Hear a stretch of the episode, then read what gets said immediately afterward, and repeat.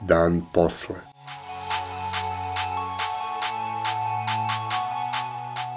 Podcast o krizi i njenim posledicama.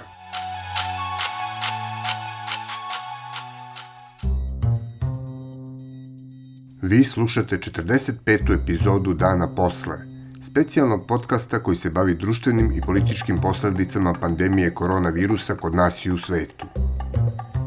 Masovni antirasistički protesti u Americi su širom sveta izazvali talas solidarnosti s diskriminisanim manjinama i mnoge zemlje naveli da preispitaju sobstvene endemske predrasude. U Francuskoj se tako protestovalo zbog odnosa policije prema lokalnom crnačkom i arapskom stanovništvu, a u Nemačkoj su u fokus došli rumunski i sirijski doseljenici. Međutim, izostanak sličnih protesta u Srbiji i drugim zemljama Balkana je u medijima započeo diskusiju o diskriminaciji Roma kao zaboravljenom domaćem vidu rasizma, o kome se malo govori i na kome se još manje radi. Ne može se reći da kao društvo nismo svesni da problem postoji. U istraživanju koje je prošle godine objavila Kancelarija poverenice za zaštitu ravnopravnosti, više od polovine anketiranih građana je kao društvenu grupu koja je najviše pogođena diskriminacijom identifikovala upravo Rome. Ipak, ne čini se da ta svest ima uticaja na poboljšanje njihovog položaja u društvu i uslova u kojima žive. Statistike kažu da oko 5000 romskih porodica, odnosno oko 25.000 ljudi, nema pijaću vodu. Pored elementarnih higijenskih potreba, Romima je otežan i pristup zaposlenju i obrazovanju. 87% romske populacije ima samo osnovno ili niže obrazovanje. Čak 81% mladih Roma nije zaposleno, niti se školuje, a u tome posebno prednjače devojke. Takođe, tradicionalno im je uskraćen pristup vlasti i političkom odlučivanju. O problemima romske zajednice, predrasudama prema Romima u svim sferama srpskog društva, socijalnoj i etničkoj distanci i o tome kako je premostiti, razgovarali smo s operskom pevačicom Natašom Tasić-Knežević.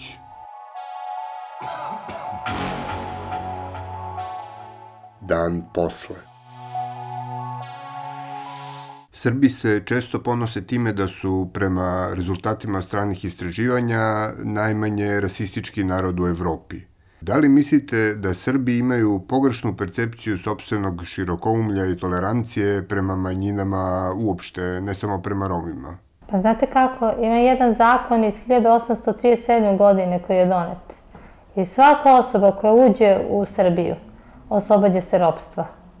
I taj zakon, to ljudi ne znaju, je donet baš zbog naše komšijske države Rumunije, koja je držala Rome pod, kao roblje 500 godina unazad. Do 1850 i neke godine su Romi bili kao roblje tamo držani, tretirani i bili su svojina crkve i visokog, da kažemo, tog nekog građana, mislim, tog nekog njihovog društva. Sad dosta je Roma bežalo iz Vlaške u Srbiju tada i zato postoje određena grupacija Roma koji se zovu Vlaški Romi. O, to su Romi koji ne govore e, romski jezik, govore vlaški jezik zato što je jezik bio zabranjen, romski jezik je bio zabranjen u tadašnjoj Rumuniji da se govori, svi su morali da govore rumunski jezik. To kod Srba stvarno nije bilo tako. Međutim, kod Srba je počela da se javlja jedna doza, ne mogu da kažem, to nije čak ni rasizam, to je više vrsta nega, negiranja i negacije, zato što, što Srbi ne znaju da su Romi podjednako učestvovali u svemu onome u čemu su učestvovali Srbi. I bili su apsolutno na istoj strani. Puna groblja Srbe, Jevreja, Roma, po cijeloj Srbiji i okolini. E sad, zašto su puna groblja? Za vreme Prvog e, svetskog rata stradali smo, za vreme Turaka Romi i Srbi su podjednako stradali. Znači, podjednako Turci su maltretirali jedni i drugi. Za vreme drugog svetskog rata zajedno smo stradali. Za vreme Balkanskih ratova zajedno smo se borili. Znači, pričamo o stradanjima i o borbi. Znači, konstantno smo se borili tokom, ja ne znam koliko vekova unazad, i Srbi i Romi su se borili podjednako. E onda su se desile te 90. desio se taj raspad Jugoslavije, ratovi na, u bivšoj Jugoslaviji među republikama i počeli su i priliv izbeglica. E onda su, bili su krivi bošnjaci što su bežali, pa su bili krivi, bili krivi bosanci, oni imaju veća prava, pa kosovari imaju veće pravo od nas Srba, pa svi su imali neka veća prava, pa ovaj dobio stan zato što je izbjeglica, što ja nemam stan. Pa mnogo ljudi je bilo ogorčeno. I onda kad su prestali da nekako mrze sve ostalo, onda su ostali jedino koga si mogao da mrziš, to su Romi. Znači, ratovi 90-ih su najviše uticali na sadašnji porast diskriminacije prema Romima. E, diskriminacije, da. Ne rasizma, više diskriminacije. Rasizam kao rasizam ne postoji, zato što to nije kao u Americi da ti dođeš i da ubiješ nekoga zato što je, kako to ja kažem, crnac ili zato što je meksikanac ili ne znam nija kinez. To stvarno nije u toj meri tako. I onda su krenule pozitivne, hvala Bogu, te afirmativne mere vlade Republike Srbije, to zaista moram da pohvalim. E onda su počeli da govore Romi su beli medvedi, oni imaju sve. Sad mene interesuje šta to Romi imaju kao beli medvedi. Nemaju vodu, nemaju struju. Žive u naseljima bez osnovnih higijenskih uslova. Ne mogu da nađu posao čak i kada su školovani, neće da ih zaposle, što to jeste istina. Kada krenu u školu, ukoliko ne znaju dobro srpski jezik, jer govore matrin jezik u kući, zato što su mu roditelji ne, neobrazovani, oni nisu ni po jednoj osnovi, e, kako to da objasnim, beli medvedi. Kada je vlada Republike Srbije dala ono saopštenje da će, ne znam, treće dete imati toliko para, četvrto dete, toliko, peto pet, dete, mislim, ne, i bilo je ne, nešto vezano za decu. E, krenuli su da fituju, sad će ciganke da rađuju ne znam nija koliko, sad će oni samo da žive od toga. Sada se ljute zato što po tim afirmativnim merama ljudi koji pripadaju tim neke so, socijalnoj e, grupaciji, invalidi, romi, samohrane majke, takođe imaju prednost e, kada decu šalju u vrtić e, ili pri upisu u određene škole ili pri zapošljavanju. E sad, ta distanca se stvara zato što postoje određeni profili ljudi koji šire paniku i destabilizuju ovo društvo. A koji su to profili ljudi?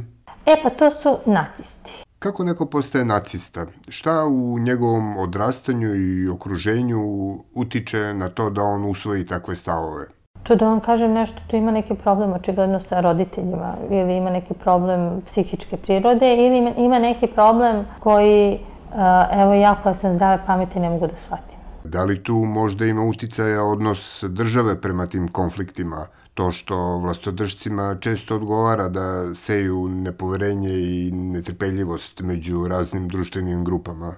Pa znate kako, ako ćemo onda tako da krenemo, to je krenulo još od Miloševića. ja mislim, tada su se pojavili skinsi.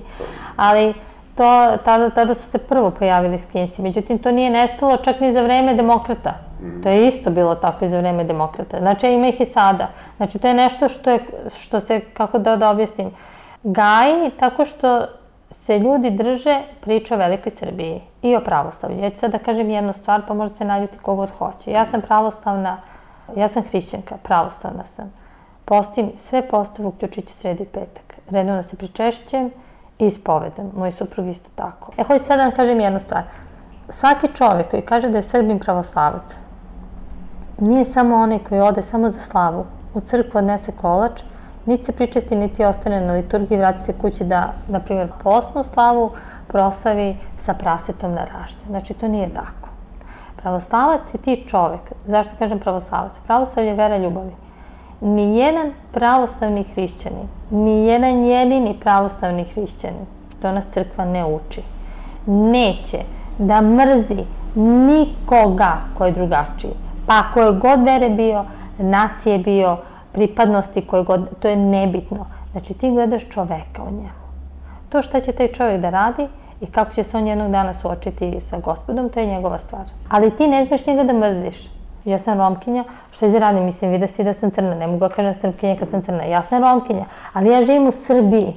I Srbija je jedina moja država. I ja neću dozvoliti nikada da nijedan jedini, kako to da objasnim, da se ni na jedan jedini način upropasti ono dobro što postoji dalje u njoj. Znači, rođen si iz ljubavi, onda širi tu ljubav, nemoj da širiš mržnju. Mislim, čemu ta mržnja? Dok nas je dobila mržnja? Ima nas manje od 7 miliona. Kad se govori o raznim oblicima diskriminacije i netrpeljivosti, obično se podrazumevaju ili problemi oko zapošljavanja i nalaženja posla ili fizičko nasilje, a, koji još oblici e, subtilne, prikrivene diskriminacije postoje? Kad uđeš u prodavnicu i uđe još neku prodavnicu sa mnom, pa pre će da pogledaju mene da li ja pravim neki, da ću ja nešto da ukradim, neko nekog drugog koji zaista krade.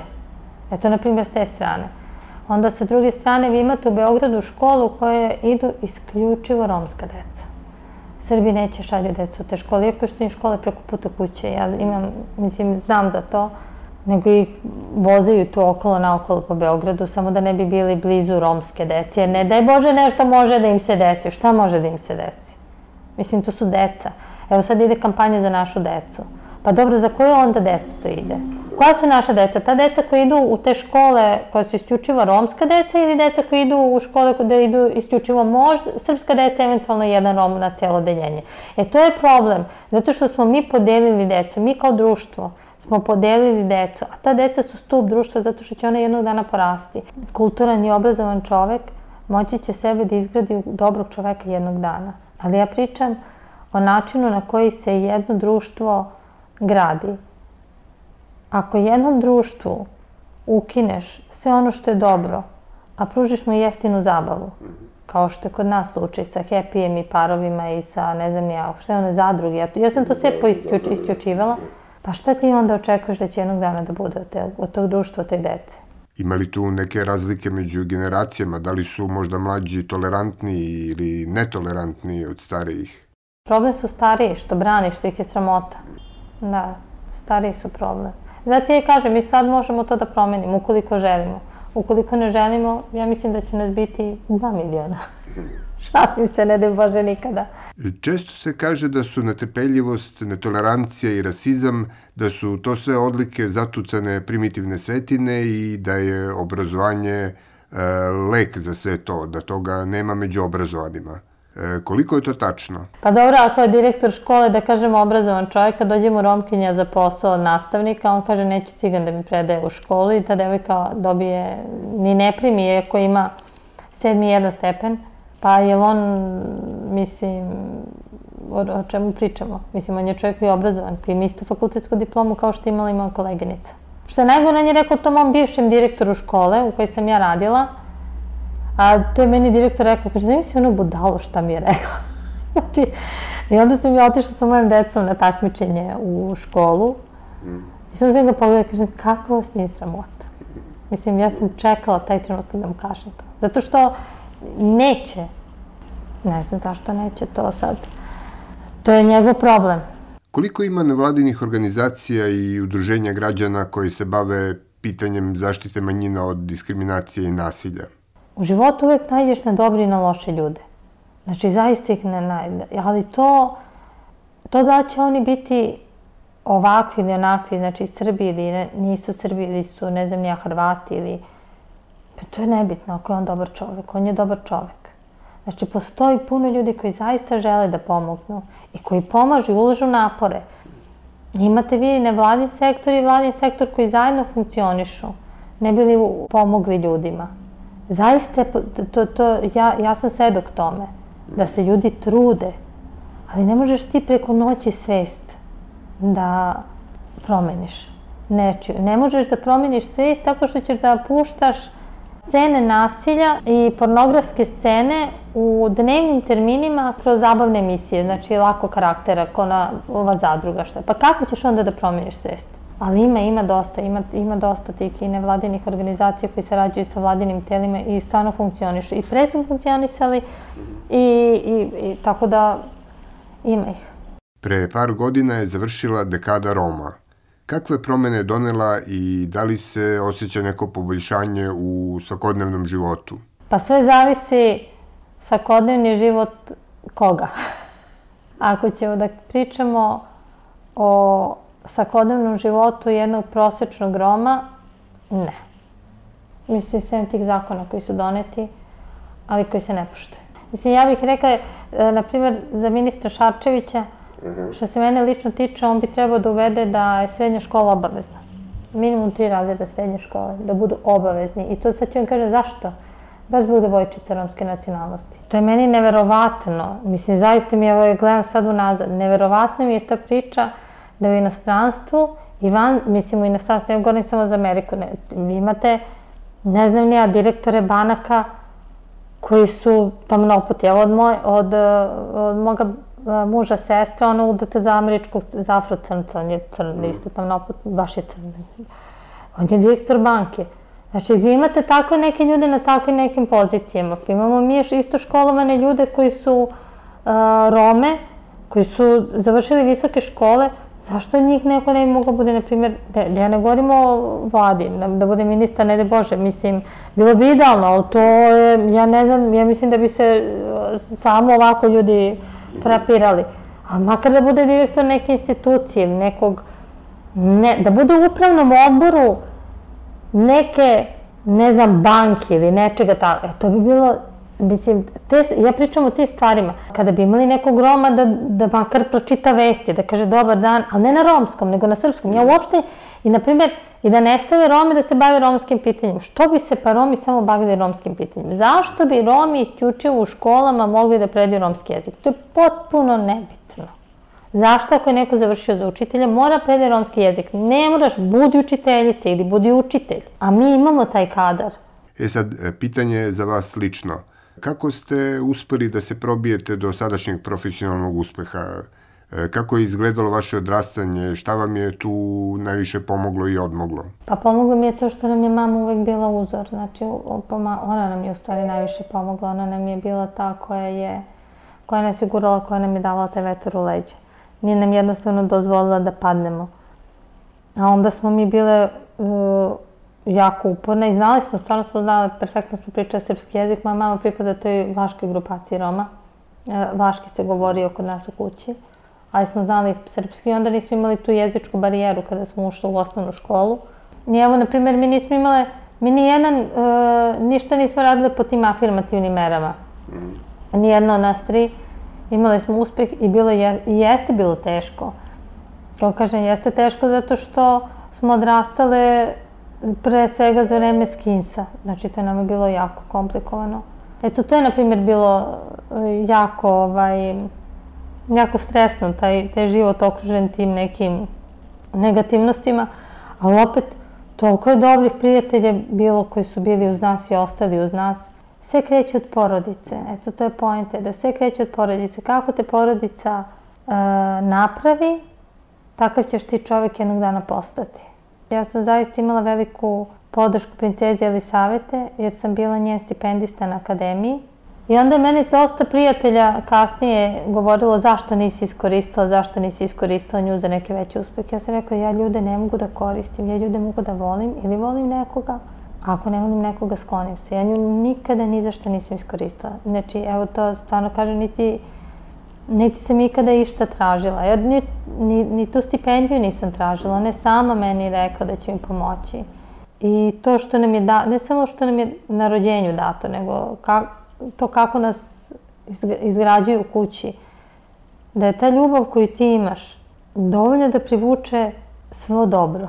I bez obzira na loše, bit će loše, loše mora da bude. Znači, ne može sve da bude med i mleko, mislim, mora da ima malo žuči, što je rekče njeguš. Ali, ovaj, ali lakše tu žuč popiješ. znači, mislim, pa stvarno jeste tako kad pogledaš kakav je život u stvari. Tako da nam je, bilo je mnogo teško. Znači, teško je bilo da dođeš kući, ne spavaš cijelu noć i plačeš.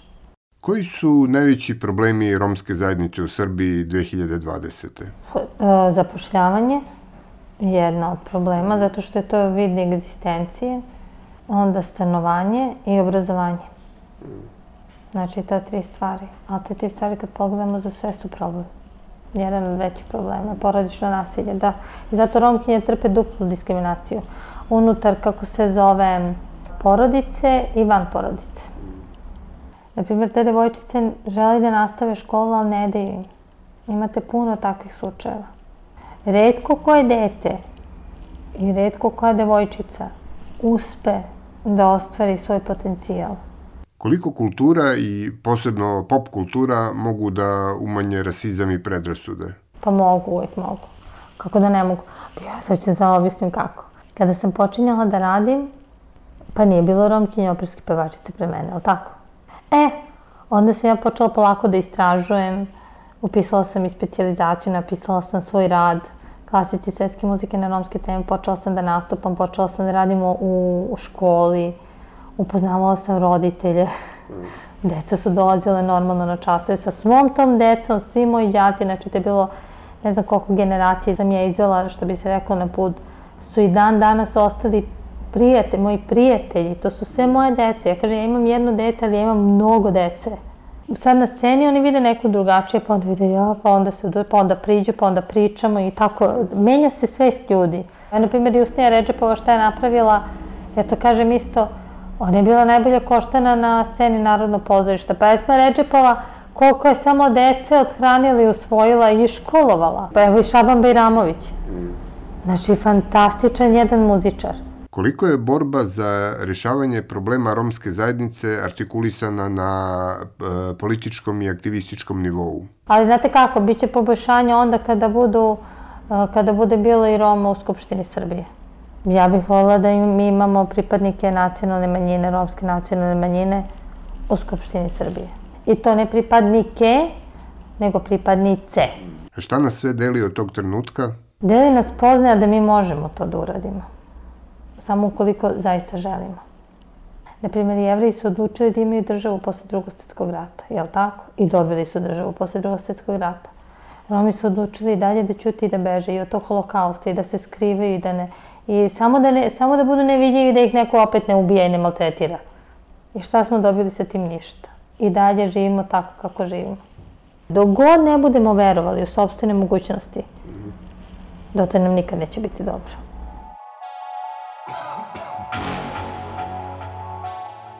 Dan posle.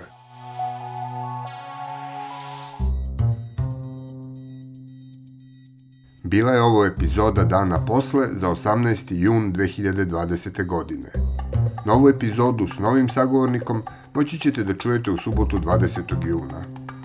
Nije još sve prošlo, pridržavajte se mera zaštite od koronavirusa, čuvajte svoj i tuđe živote i ne ćutite pred glupošću i nepravdom.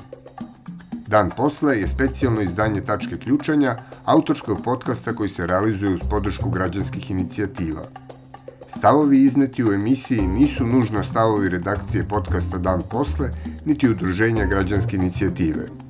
Redakcija Ilir Gaši, Tara Petrović i Aleksandar Gubaš. Urednik i voditelj Aleksandar Gubaš. Muzika Zeifol i Ben Sound.